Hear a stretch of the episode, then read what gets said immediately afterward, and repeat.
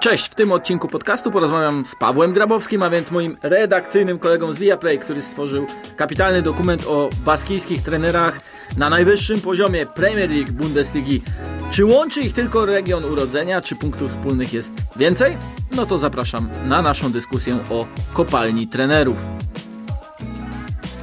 To podcast zachodny do tablicy, który możecie znaleźć na platformach Spotify, YouTube oraz Google, a mnie możecie oglądać tydzień w tydzień w Viaplay.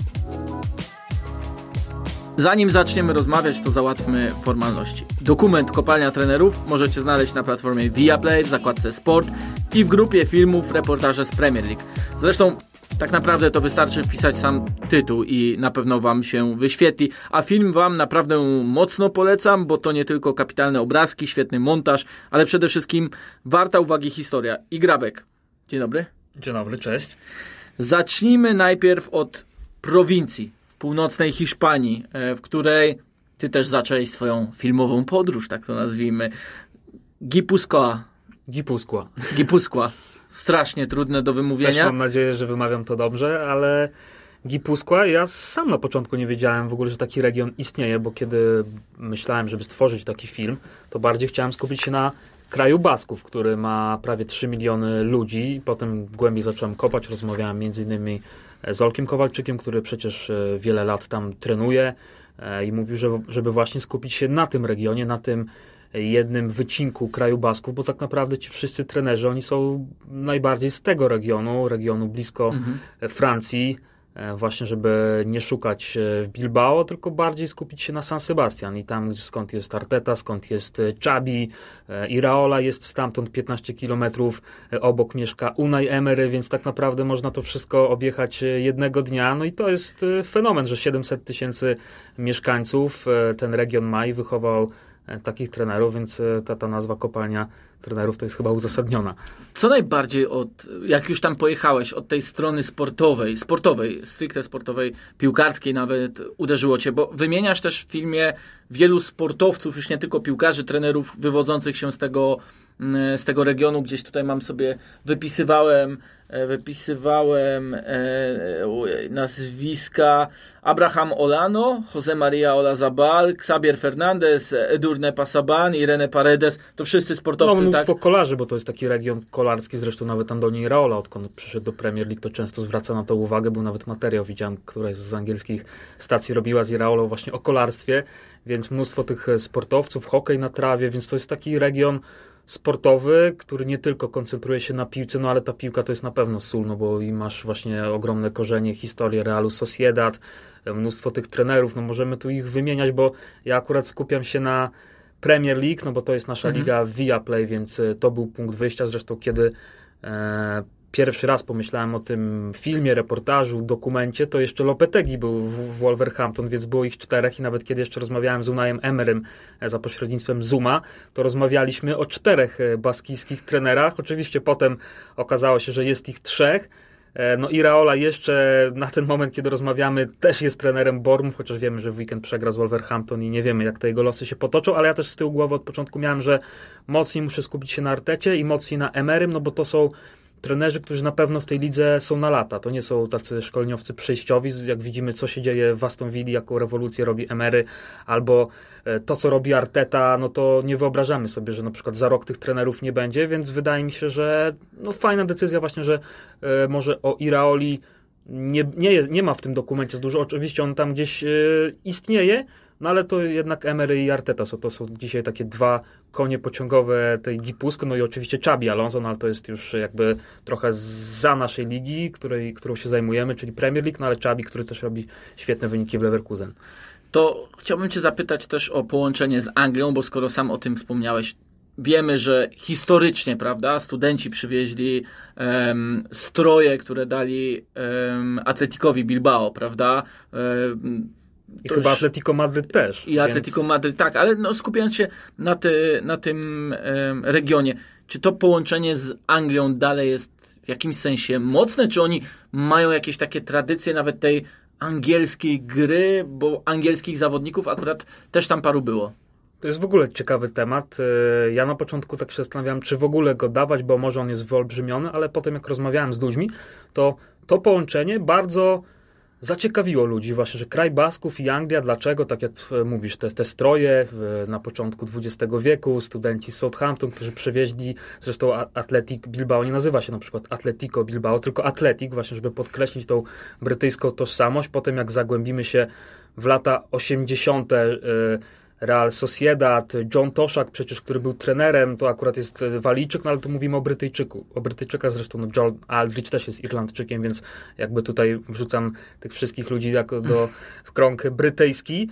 E, czterech Brytyjczyków e, jako piłkarze grali w Sociedad, plus ten trener, John Toszak potem poszedł do Real Madryt, więc oni cały czas to podkreślają. Aldrich w ogóle bardzo często podobno wraca do San Sebastian, by, były mnóstwo takich filmów, zdjęć i, i, tak dalej, więc e, no to jest fajne połączenie, że gdzieś te statki budowali dla Anglików, tak, i, i, i, tak dalej. No i dzisiaj mm, to, że Arteta czy Emery są właśnie na tych wyspach, to też jest takie fajne kontynuowanie e, tej historii. A czy Anglia miała wpływ na, na tych trenerów, tak? Czy jak, jakie było pytanie? No właśnie zastanawiam się, jak mocne jest to połączenie dziś, poza tymi skojarzeniami, tak? Mhm. Poza historią, poza e, związkiem, no tym, że przecież ludzie z tego regionu pracują E, w Premier League. Czy jeszcze jest coś takiego, co cię uderzyło, co na przykład oni wiedzą, że za sprawą no, swoich też nauczycieli, tak? Bo mhm. Anglicy, czy też w ogóle Brytyjczycy byli dla wielu nacji na świecie nauczycielami futbolu, że oni coś takiego zdobyli, dzięki czemu no po prostu przez lata mm, i budowali swoją taką tożsamość, prawda? Ale też e, no nie wiem, coś takiego jest w nich wyjątkowego, że dzisiaj po prostu mają i piłkarzy, i trenerów na takim poziomie. Mhm. No fajnie ten Mikel Czari mówił o tym, to jest taki mentor tych wszystkich baskijskich trenerów, zresztą nawet przez chwilę pracował w West Bromwich jako jeden ze scoutów, nawet mówił, pozdrawiał Tomka Pasiecznego, bo mówi, że znają się, bo mówi, że zna jednego Polaka właśnie, który pracował na Wyspach i, i właśnie też o tym mówił, nie wiem, on tam pracował w West Bromwich, już nie pamiętam jak długi okres, ale to jest też taki człowiek, który bardzo dużo jeździ, lata, wykłada, bo to jest niezwykły, niezwykły wykładowca, człowiek, którego wszyscy tam cenią. I on od początku mówił, że mm, Baskowie to był taki naród, który bardzo dużo emigrował, który bardzo dużo lubił poznawać inne kultury, e, który nie bał się tych wpływów, czerpał z tych różnych e, innych opcji, innych krajów. No i dzięki temu chyba też poszerzał jakoś taką swoją wiedzę, że nie jest takim narodem zamkniętym, tak? Zresztą no, oni właśnie e, te statki budowali już w XIX-XX wieku, wcześniej podobno gdzieś tą flotę Kolumba, nawet to też Baskowie podobno e, budowali, więc są takim narodem, który lubi podróżować, lubi czerpać różne bodźce. Opowiedz mi trochę o Mikelu Echarim, e, o jego fenomenie właśnie w tej baskijskiej rodzinie, w tej rodzinie tego regionu, e, bo on się wypowiada oczywiście w Twoim dokumencie, ale no powiem szczerze, nie wygląda jak mentor tak wielkich trenerów. E, widzimy wesołego staruszka, możemy tak to On ma określić? 77 lat, no ale, to okay. ale jest tak żywotny, jest, e, no jest fantastyczną postacią, z którą chce się przybywać. E, jeszcze z nami bardzo długo po zdjęciach, po wywiadzie. Jak w ogóle się z nim skontaktowałeś? Właśnie kogo? Olek Kowalczyk mi bardzo, bardzo pomógł, to też tutaj mogę chyba mu podziękować, bo, bo bardzo, no niesamowita postać, bardzo dużo pomógł, zaprzyjaźniony z całą rodziną, Emerych, e, potem jeszcze zapraszał mnie na kolację baskijskich trenerów, to jest też ciekawy aspekt, że ci trenerzy różni, którzy już dzisiaj na przykład są na emeryturze, oni spotykają się raz w tygodniu, raz na miesiąc e, na różne kolacje, jakby cały czas e, ta symbioza, ta synergia tych trenerów, ona istnieje, to jest, no to jest super, że tak fajne relacje potrafią sobie w tym małym regionie poukładać, więc Michele Czari bardzo dużo mi pomógł, bardzo dużo fajnych rzeczy opowiadał, to jest taki trener, Mm, ja to sobie tak roboczo nazwałem, że to jest taki Alex Ferguson baskijskiej piłki. Mhm. Nawet jak rozmawiałem z tymi ludźmi, tam to gdzieś to określenie e, rzucałem i oni mówili, że bardzo dobre pod, e, określenie, bo to jest były selekcjoner kraju Basków. Może taki trener, który oczywiście niczego nie wygrał, pewnie poza krajem Basków nikt go nie kojarzy, chociaż pracował i w Realu Sociedad w różnych rolach, ale to jest bardziej właśnie taki inspirator, wykładowca, mentor, człowiek, który niezwykle głęboko patrzy na futbol, który jest też po wyższych studiach, to też jest bardzo taki, taka cecha charakterystyczna tego, że Baskowie to jest bardzo wyedukowany naród, że tam jest bardzo duże takie ciśnienie właśnie, żeby się edukować. 80% ośrodków naukowych z całego tego z, całe, z całego Z, z, z całego kraju tak? Basków Z całego 80% y, ośrodków naukowych to jest właśnie Gipuskła. Tak mówi Mhm. Roberto Labe w tym materiale. Ja tego nie weryfikowałem, ale myślę, że tak jest, bo mm, ten refer... No, Czyli jest to usystematyzowane, tak? Ta wiedza, którą zdobywali, mm, zdobywali ci szkoleniowcy, Mhm. prawda, którzy uznają e, Echariego jako e, za swojego mentora, to po prostu się edukują. To nie jest tak, że to jest tylko na bazie intuicji, czy... Wiesz co, ten cały mm, region jest, raz, że on jest bardzo uprzymus, uprzemysłowiony, że mm, tam jest cały przemysł, tam jest największe PKB e, na głowę w Hiszpanii, bardzo duża taka kultura samodoskonalenia, inwestowania w naukę. Oni też największy procent chyba w Unii Europejskiej przeznaczają na innowacje i to też jest taka statystyka, trzeba byłoby to pewnie zweryfikować, ale gdzieś kiedyś widziałem, że to jest około 3% PKB przeznaczają na innowacje, gdzie na przykład Niemcy przeznaczają 2%, a Polska to na pewno po- po- poniżej 2%, więc tam gdzieś była taka, że średnia unijna to jest około... Miejmy nadzieję, że około- cokolwiek przeznaczamy. Tak? Więc e, to jest, i to, i to widać e, w tych ludziach, że raz, że oni mają te umiejętności miękkie bardzo mocno rozwinięte, są tacy bardzo społeczni, dwa, że potrafią głębiej na pewne rzeczy patrzeć, więc ta kultura e, uniwersytetów e, jest mocna. Zresztą mama Mikela Artety jest wykładowczynią na uniwersytecie, ojciec jest dyrektorem banku, więc Arteta to jest taki człowiek e, z rodziny nieźle sytuowanej, bardzo pewny siebie też z tego powodu. Widać, że tą pewność gdzieś mu ci rodzice zaszczepili. Siostra zresztą ma firmę na Majorce, więc to, to rodzina taka bardzo przedsiębiorcza.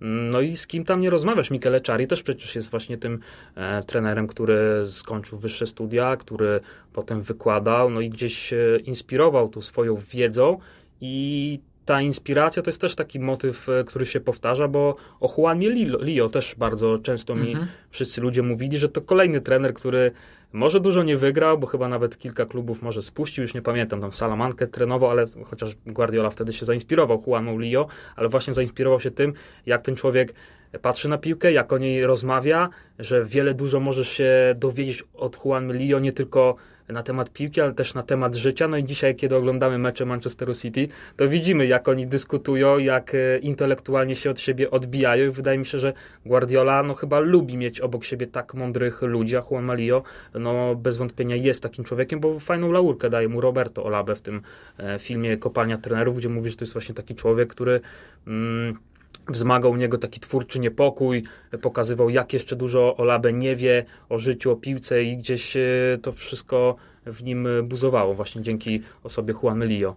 E, Wiesz, jak u nas jest w redakcji, że mamy montażownię, prawda? I przychodząc do roboty, jakiś dzień powszedni, zagląda się, patrzy, co tam jest na warsztacie. Pamiętam, że wpadłem, gdy e, Krystian Ki już, pie, już nie przeglądał te wszystkie materiały, e, które zebraliście e, z Krzyśkiem Haucem, tak?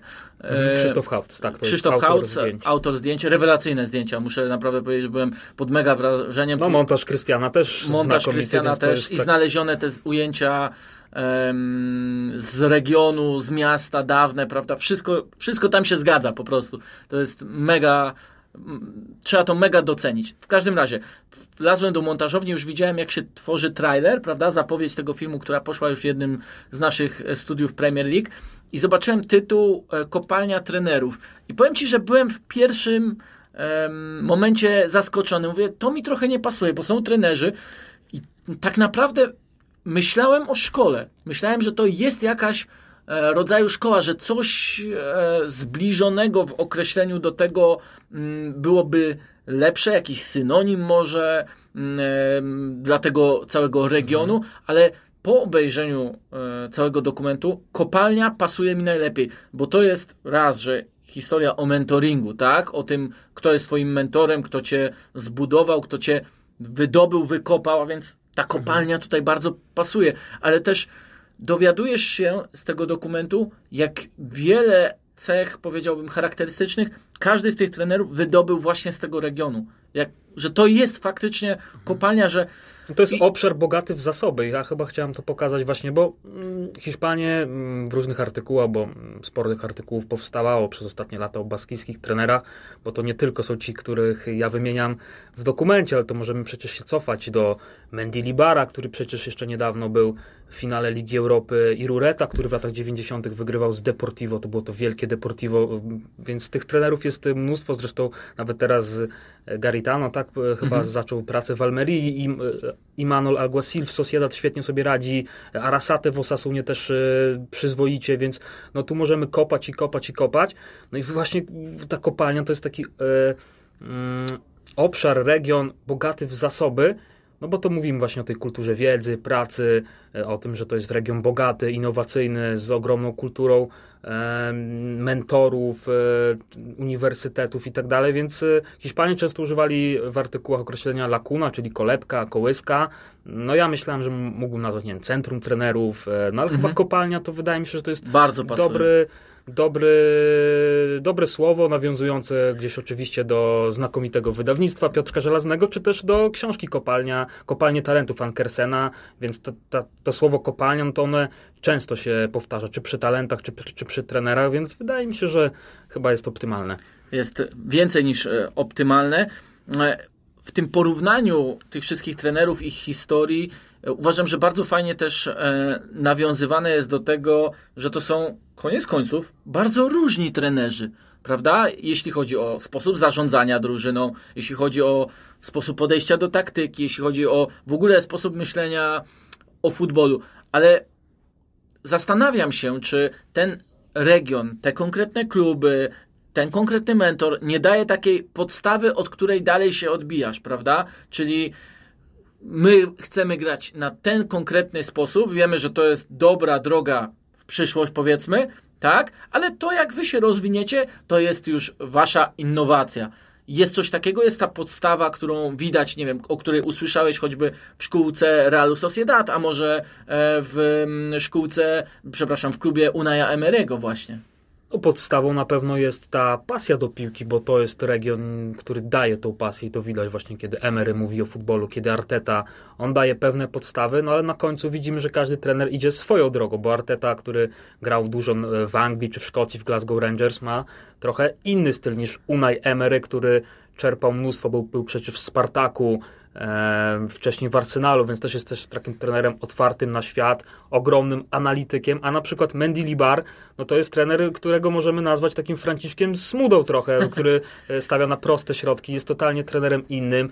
Alguacil to jest trener defensywny, e, którego też nie porównamy przecież do Emerego, że każdy ten trener jest inny, każdy wybiera swoją drogę, ale mają jakąś taką wspólną podstawę właśnie mm, w tej Gipusk, w tym regionie Gipuskła, e, no, gdzie ta kultura pracy, e, ta obsesyjność, żeby właśnie mm, patrzeć na piłkę w taki, a nie inny sposób, żeby, mm, no wydaje mi się, że ważne w tym dokumencie jest podkreślenie tego, że ten region jest mały i że te relacje między nimi są bardzo gęste, że oni się po prostu tam intelektualnie odbijają od siebie, ci poszczególni trenerzy, że tam nie ma czegoś takiego, że któryś z trenerów chowa przed sobą jakoś tajemną wiedzę przed innymi, tylko tam widać taką kooperację, że z kim nie rozmawiasz, to ten zna tego i tamtego, wszyscy siebie znakomicie znają. Jak potrzebujesz do kogoś numer, to ten ktoś od razu, e, nie wiem, dzwoni przy tobie i mówi, że tu jest taki dziennikarz, czy pogada z nim. Widać, że po prostu są tak bardzo otwarci, że dla dziennikarza to jest przyjemność tam być i robić taki materiał, bo zdarzają się takie kraje bardziej zamknięte, gdzie dostęp do tych ludzi jest bardzo ciężki, a wydaje mi się, że w kraju Basków niczego takiego nie spotkałem, że nawet Unai Emery był, wydaje się, trener stopu z Premier League, że to będzie bardziej trudne, żeby ta rodzina się jakoś otworzyła, to nic takiego się nie działo, bo ta rodzina była bardzo otwarta i ci wszyscy jego bracia są znakomici, nawet po zdjęciach potrafiłem jeszcze ich w miasteczku spotkać gdzieś na plaży i od razu e, byli bardzo otwarci, że to nie były tylko takie relacje, że zrobimy wywiad i, koniec, tylko można było ich e, bardziej poznać, porozmawiać. Oni mają też świetne wspomnienia z Warszawy, bo byli tutaj przecież na finale Ligi Europy, który Unai Emery z Sevillą wygrał, więc e, fantastyczna rodzina. No i ta historia tego, że oni dwa lata temu przyjęli klub Real de Irun, klub, gdzie grał ich dziadek 100 lat temu, kiedy zdobywał e, te puchary króla. One są dzisiaj, bo oni odremontowali ten stadion. To też jest bardzo, bo ten klub był na skraju bankructwa. Oni zainwestowali w niego 2 miliony euro i dzisiaj stoi tam piękny stadion, gdzie właśnie podkreślone są te dwie daty, kiedy ich dziadek zdobywał 1924 24 chyba 25 albo, albo 7, już, mhm. już nie pamiętam, ale te dwie daty są bardzo mocno zaznaczone. I sam stadion jest pięknie położony, bo obok jest rzeka, a za rzeką jest już granica francuska. I tam też yy, większość chyba tych braci mieszka po stronie francuskiej i to też pokazuje kolejny ciekawy aspekt, że to jest taki region na styku kultur, że tam masz francuską kulturę, hiszpańską, baskijską, ci ludzie czasami mówią w trzech językach, e, że tam się wszystko miesza. Że... To już e, intelektualnie rozwija, prawda? Też, też. Jak się poszerza, poszerza spojrzenie, poszerza spojrzenie na pewno. Didier Deschamps też przecież jest zbajony obok e, tej granicy, po granicy francuskiej już, e, więc e, no to jest niesamowite, że mówimy o regionie małym, ale gęsto zaludnionym, bogatym, który myśli o innowacji, myśli o tym, żeby się edukować, który żyje na styku kultur i dzięki temu ci ludzie nie są tak zamknięci chyba na inność, a to jest też chyba ważne, żeby, żeby się otwierać, żeby chłonąć, żeby mieć głowę otwartą na inne bodźce. E, wspomniałeś o tym Realu de Irun. Chciałem Cię o to dokładnie zapytać, o to, jak trafiłeś na ten klub. E, o tym, jak Cię tam przyjęli bracia, to już wiem, ale czy może to połączenie mm, najważniejsze, tak, z Unajem Emerym a tym klubem, w którym on przecież zaczynał swoją karierę e, szkoleniową, zresztą ten moment przejścia jego pierwszej e, radości po sukcesie jest pokazany na archiwalnych zdjęciach. Ja nie będę tutaj zdradzał, ale to jest absolutnie, no nawet taki powiedziałbym lekko wzruszający moment. Widać też... Ten brat tej, się nawet wzruszył, tak, bo mówi, że to rodziny. jest... Ja spytałem go, o który moment Unaja Emerego ceni najbardziej, kiedy najbardziej się wzruszył, kiedy czuł największe emocje i myślałem, że może wskaże E, Villarreal, Sevilla, przecież Unai Emery jest królem Ligi Europy, mnóstwo tytułów wygrywał, a on wskazał e, te boisko lokalne, ten pierwszy sukces Unai Emerego, który był dla niego windą, no bo czasami trener potrzebuje takiej windy, tak? I czasami czeka na nią 5-10 lat i ona nie przychodzi. Tutaj akurat przyszła, e, no nie chcę zdradzać, ale to był gol właśnie w, w ostatniej minucie strzelony z połowy i też mamy to nagranie, więc e, no i Unai Emery dostał taką windę potem, potem już wszedł wyżej, wyżej, wyżej. Oczywiście to jest jego zasługa, bo cały czas e, inwestował w siebie, cały czas był obsesyjnie gdzieś zafascynowany tą piłką, wiedział, co jest jego stacją docelowo. Tam też jest taka fajna historia, opowiada jeden z dziennikarzy, że Unai Emery, e, jeszcze zanim był trenerem, to pracował w firmie logistycznej bardzo popularnej w tamtym regionie i każdą przerwę no to gdzieś rozpisywał treningi, że już yy, myślał wielotorowo, tak, że nie tylko skupiał się na tej pracy, gdzie musiał zarobić pieniądze, ale już yy, wolny czas też inwestował w to, co jest jego marzeniem. Ta historia Unaja Emery'ego jest bardzo interesująca, ale na ile on jeszcze ma wpływ na to, jak ten klub hmm, wygląda? Poza oczywiście na pewno dużym elementem finansowania, bo jak rozumiem, to za jego zdobycze, tak? To, co podniósł ze swojej kariery i odremont, mhm. odremontowano stadion i w ogóle uratowano Real de, de Irun, ale czy on ma jeszcze jakiś właśnie, nie wiem, może bardziej taki intelektualny wkład w to, jak wygląda ta drużyna, jak szkolenie może wygląda i w jakim stopniu pomaga? Mhm. O to dokładnie nie pytałem ciężko wyobrazić mi sobie, że Unai Emery wpływa na proces szkoleniowy, czy zajmuje się drużyną, kiedy no, ma co robić własną Nie, oczywiście wiemy, tutaj, że się nie zajmuje drużyną, ale raczej nie. Podobno ale... często przyjeżdża, często mhm. jest na trybunach. E, prezesem jest najmłodszy z braci, to on jest głową całego biznesu. Z kolei najstarszy jest taką złotą rączką stadionową i to jest też ciekawe zobaczyć kontrast między tymi panami, bo jeden jest takim człowiekiem, który chodzi elegancko, jest właśnie prezesem, a drugi no, jest ubrany no, jak zwykły robotnik. Takim a, akurat, wydaje, akurat go spotkałem, jak wywoził grusy z taczką, więc to pokazało mi kontrast i w pierwszym momencie mm, w ogóle nie, nie wiedziałem, że to jest jego brat, po czym ten Igor mówi, że a to jest właśnie mój brat, gdzie ten kontrast między nimi był niesamowity i zwykle jest tak, że jak kręcisz w tych bardziej takich krajach zamkniętych, takich bardziej już na północ, no tam nie wiem, powiedzmy Niemcy, tak? No to w Niemczech nie wyobrażam sobie, że na przykład brat mówi, że nie ma problemu, możesz nagrywać wywiad z tym gościem, który siedzi w, z tą taczką, a właśnie w Hiszpanii chcesz to nagrywać z nim wywiad, tak? I jakby nie robią z tego problemu, że właśnie jeden z braci akurat, nie wiem, właśnie tam e, sprząta, zamiata czy coś, tylko po prostu to jest wszystko takie autentyczne, naturalne i to jest też fajne.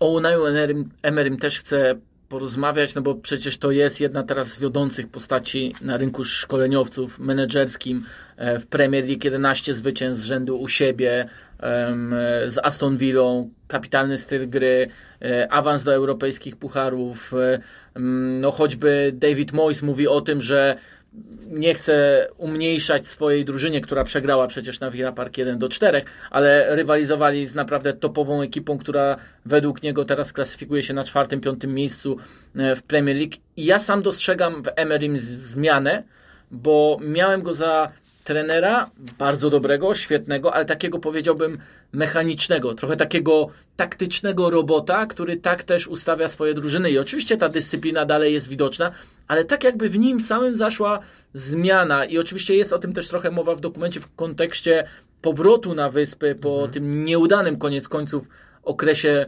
mm, w Arsenalu, ale teraz on ma takie momenty, w których mówi, że on wciąż marzy o zdobyciu Ligi Mistrzów, bo przecież jak wjeżdża na ośrodek treningowy Aston Villa, to pierwsze co widzi to historię tego triumfu Aston Villa w, tak. Europie, w Pucharze, Pucharze Europy. I on nawet wprost mówi, pozwólcie mi marzyć o tej Lidze Mistrzów, nikt mi tego nie może zabrać.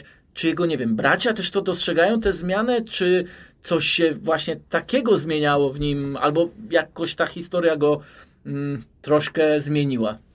Ciekawe są te słowa Igora, e, brata, który mówi, że właśnie przyjście do Aston Villa to jest taka chęć zemsty, bo to słowo chyba nigdy nie padło. Unai Emery nigdy nie powie, że e, okres w Arsenalu był był, był dla niego osobistą klęską, katastrofą, że.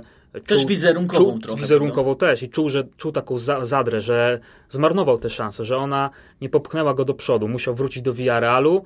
Tam z Fernando Rociem, prezydentem, który mu zaufał, odbudowali ten Villarreal, zdobyli no, fantastyczny sukces. Pierwszy puchar dla Villarealu w historii dał Unai Emery.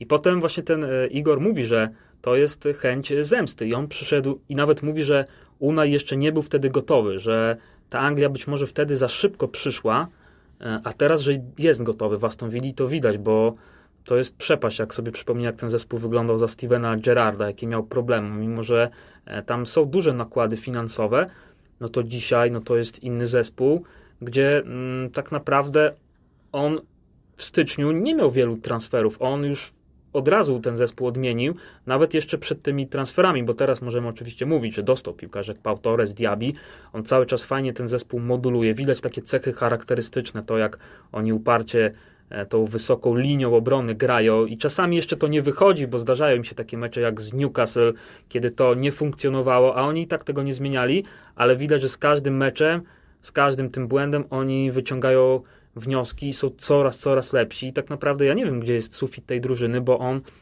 on rozwija każdego piłkarza, bo widzimy, co e, zrobił z Olim Watkinsem. Oli Watkins oczywiście zawsze miał wielki talent, ale to jest też e, fantastyczna historia, jak oni analizują te różne klipy Edinsona Cavaniego, Carlosa Bacchi, pokazuje Emery mu jego najlepszych napastników i jakby wyciąga ten cały potencjał z Watkinsa, do tego znalazł sobie taką kluczową postać w Douglasie Lewisie, który jest królem środka pola. Świetne wahadła, Diaby, który jest też takim motorem napędowym. Obrońców sobie też ustawia pod siebie, więc y, mnie fascynuje, jak on tak kolejne klocki dokłada do tej drużyny, jak ona rośnie, bo to też fajnie możemy teraz obserwować. No i też tabela chyba nie kłamie, więc y, kurczę, no dla mnie to jest drużyna w tym sezonie na top 4, y, jeśli się nic po drodze nie stanie. Też dzięki pracy w Viaplay. E, jesteś blisko Aston Villa, tak? Ja to czuję, bo wiem, że tam byłeś, prawda, na rozmowie. No miałem okazję ośrodek, cały ośrodek poznać tych ludzi w środku klubu. I, i, też kilka rozmów e, z piłkarzami przeprowadzałeś. E, tak, z Olim Watkinsem pamiętam, rozmawialiśmy na początku tamtego sezonu. Mecze komentujesz też, tej Aston Villa, więc e, wiem, że się... E, wczułeś, tak? W ten, no, jestem bliżej Aston Villa niż, y, niż innych klubów, właśnie, że mm, sporo tam y, tych ich meczów skomentowałem w tamtym sezonie, byłem w tym ośrodku, znam tych ludzi w środku, e, miałem no, sporo tych rozmów, czy, czy właśnie czy z Zaniolo, z Watkinsem, z Matim Kaszem przecież robiłem reportaż, który też można obejrzeć w tej samej zakładce reportaży Premier League, e, w której też jest kopalnia trenerów, więc można odświeżyć. I tam nie tylko ten reportaż jest o Matim Kaszu, ale też przypomina historię klubu, jak wielkim klubem jest Aston Villa, bo wspomniałeś o tym Pucharze Europy Właśnie o to chciałem z 82 cię roku. Że to jest trochę taki niedoceniany śpiący, element. Śpiący prawda? gigant. Śpiący gigant. Pojawia się to określenie coraz częściej w kontekście, w kontekście Aston Villa. Nawet Henry Winter ostatnio użył tego mm, określenia, a to nie jest dziennikarz, który lubi rzucać łatwo e, słowa na wiatr. Nawet o tej drużynie Unaja Emery'ego powiedział, że ona jest zorganizowana, ale przede wszystkim w tym oddana i bezpośrednia. Tak trudno to jednoznacznie przetłumaczyć, ale ja to odebrałem właśnie tak, że oni jak idą, to idą do końca, idą na maksa. I chyba też pokazuje Unai Emery, myślę, że to potwierdzisz swoimi obserwacjami, że jest znacznie lepszy w zarządzaniu piłkarzami, zarządzaniu piłkarzami jako ludźmi, niż przypisywano mu to, y, gdy pracował w Arsenalu. No to właśnie widzimy po Watkinsie, gdzie dotarł do niego, bo Watkins też miał takie momenty, kiedy to jest taki piłkarz, który chyba musi czuć właśnie, że trener w niego wierzy. I Mati Cash też przecież e, o Matim Cashu była długo taka narracja, że Unai Emery może nie za bardzo go ceni, że nie wie jak Mati ma grać, po czym Emery wiedział, że Mati Cash to jest piłkarz z dużym potencjałem, do którego trzeba dotrzeć, no i w tym sezonie widać, że dotarł do niego, mimo że przecież były takie pogłoski, że może Matikasz odejdzie, zastąpić, że Unai Emery go nie ceni, co było no bzdurą, bo Emery go cenił, tylko nie do końca wiedział, jak wykorzystać jego potencjał, a jego potencjał no, wykorzystuje się wtedy, kiedy Mati gra wysoko, że jednak ograniczanie go do tego obrońcy, no to jest y, duży problem, więc też mi się wydaje, że to jest trener, który no, świetnie poznał ten zespół, poznał go właśnie pod względem takim charakteru logicznym i ciekawi mnie, jak będzie kolejnych piłkarzy budował, bo na przykład Nicolo Zaniolo, no to jest zawodnik, wiadomo, że zanim się teraz ciągnie tam e, różna ta, ta, ta afera, nie wiem jak to wszystko będzie wyglądało z tą sprawą bukmacherską, ale to jest zawodnik z ogromnym potencjałem i poka pokazał to w kilku meczach Aston Villa i ja myślę, że możemy zobaczyć tego Zaniolo, jeśli wszystko się ułoży, którego pamiętamy z początku Fromy, kiedy Fabio Capello mówił, że to jest piłkarz materiał na złotą piłkę, no to ja myślę, że, że tutaj Unai Emery ma jeszcze dużo do zrobienia w sprawie kilku piłkarzy. Kilku odbudował, u niego to jest właśnie trener, który rozwija piłkarzy. Dla mnie to jest też zawsze taka cecha dobrego trenera. Po czym poznać dobrego trenera? Po tym, że e, piłkarze, gdzie ten potencjał śpi, no to nagle zaczynają się budzić. No i to chyba właśnie widzimy w Aston Villa. Na sam koniec e, zapytać Cię o takie hasło, które pada w pewnym momencie mm, tego filmu e, odnośnie cech wspólnych trenerów. E, oni mają punkty styczne, ale nie podobieństwa. Trochę już o tym oczywiście rozmawialiśmy, ale teraz już pytam o nie to, co usłyszałeś, ale to, co zobaczyłeś, co sam mogłeś wyciągnąć z tych rozmów, no bo tam było znacznie więcej godzin, prawda? Rozmów, wywiadów nagranych, e, nienagrywanych, rozmów poza mikrofonem, po, poza w ogóle mm, poza, poza tą oficjalną częścią. Co, co jest tym punktem stycznym według Ciebie po, po dotknięciu tego, tego regionu? No, punktem stycznym jest to, skąd oni się wywodzą, że każdy no właśnie ma tą pasję, że każdy jest e, niesamowicie pochłonięty pracą, że są te podstawy Echariego, czyli dobra gra w obronie i też e, to, żeby zwracać uwagę, jak piłkarze grają bez piłki, że Echari mówi o tym, że 96% czasu piłkarz nie ma futbolówki przy nodze i że nawet 11 patyków jest w stanie wygrać mecz pod warunkiem, że nauczysz te patyki odpowiedniego poruszania się. No i chyba tutaj jest coś takiego, że każdy z tych trenerów ma w sobie tą taką organizację, taką, takie patrzenie strukturą e, drużyny, strukturą meczu, bo każdy z tych trenerów potrafi świetnie organizować drużynę. E, I Raola, no szkoda, że mu w Bormów nie idzie, bo świetny okres w Vallecano i to jest trener z takim fajnym nastawieniem, z takim konkretnym pomysłem, jak chce grać. On to w Bormów implementuje. No szkoda, że nie idzie, bo było kilka meczów takich, takich na początku tego sezonu, kiedy te mecze mogli wygrać, mogli zremisować, mieli bardzo trudny kalendarz i to jest też coś takiego, mm, kiedy łatwo możesz e, no, stracić tą szansę, tak jak Emery stracił ją w Arsenalu, tak i Raola, no boję się, że tutaj też może tą szansę zatracić. No i potem pytanie, czy się odbuduje znowu gdzieś, no bo to jest też bardzo dobry trener i właśnie o nim jest najmniej, no ale mówię, no to jest naprawdę fascynujące, ile tych trenerów jest, bo, bo tu możemy wymieniać i wymieniać.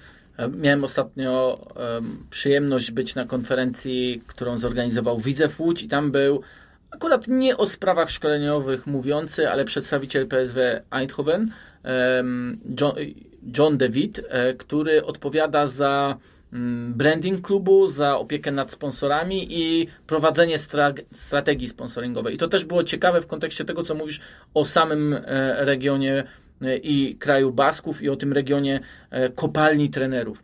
Otóż on opowiadał, że oczywiście oprócz tego Philipsa, który jest sponsorem cały czas PSW, to udało się zgromadzić grupę firm, które są bardzo innowacyjne. A gdy myślano o tym, jak wypromować nie tylko klub, ale i e, region, miasto Eindhoven w porównaniu do tych nawet najbliższych rywali w Holandii, to stworzono coś na, na postać takiego portu. Oni nawet mają na koszulkach e, Brainport, E, port mózgu, tak, tak na dobrą sprawę, ja bym to bardziej odebrał jako port myśli, port innowacji właśnie, port rozwoju, intelektualizmu e, i widać, że do tego wszyscy, wydaje mi się, na zachodzie, tak, w krajach, które starają się rozwijać, też walczyć no nawet z nierównościami finansowymi, które są dosyć łatwo zauważalne, właśnie idą w tym kierunku. I to, co e, było też uderzające na jego przykładzie, to otwartość. Ta otwartość chyba e, jest warta podkreślenia i jeśli mógłbym Cię jeszcze tylko na sam koniec o takie doświadczenia tej otwartości e, z, e, z tego regionu Gipusko. Gipuska. Wiesz co, dla mnie takim portem jest każde boisko treningowe w Hiszpanii, bo tam treningi są wieczorami ze względu na pogodę, często 18, 19 gdzie na tym boisku treningowym zbiera się cała społeczność. Dzieci, rodzice dzieci, które grają, sąsiedzi, obok jest zawsze jakiś bar, obok są te stoliki, po treningu wszyscy siedzą, gadają, ta otwartość tych ludzi, życzliwość, wymiana myśli, no bo jeśli się ludzie spotykają, to gdzieś to intelektualnie buzuje, oni się odbijają, wydaje mi się, wtedy powstają najlepsze pomysły. I to jest wszystko takie otwarte i to jest bardzo fajne. Tego mi często w Polsce brakuje. No tu są różne powody, tak, no choćby nawet klimat już jest dużą granicą, ale to jest y, fantastyczna rzecz właśnie w tych krajach południowych, bo podobnie wygląda to we Włoszech, y, w Hiszpanii, w innych i tak dalej, więc y, to jest coś takiego, do czego się tęskni, widząc ten klimat piłki właśnie wieczorami, jak to buduje społeczność, no to jest coś, czego E, Hiszpanom, czego możemy zazdrościć.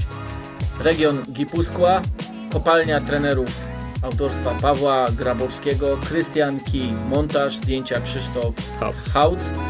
E, polecamy bardzo serdecznie. Platforma Viaplay, zakładka, reportaże e, z Premier League. Koniecznie, obowiązkowo do obejrzenia. Dziękuję. Super, też dzięki za zaproszenie i zachęcam do oglądania. No i zapraszam do kraju Basków, bo to też jest taki region, do którego e, warto się wybrać.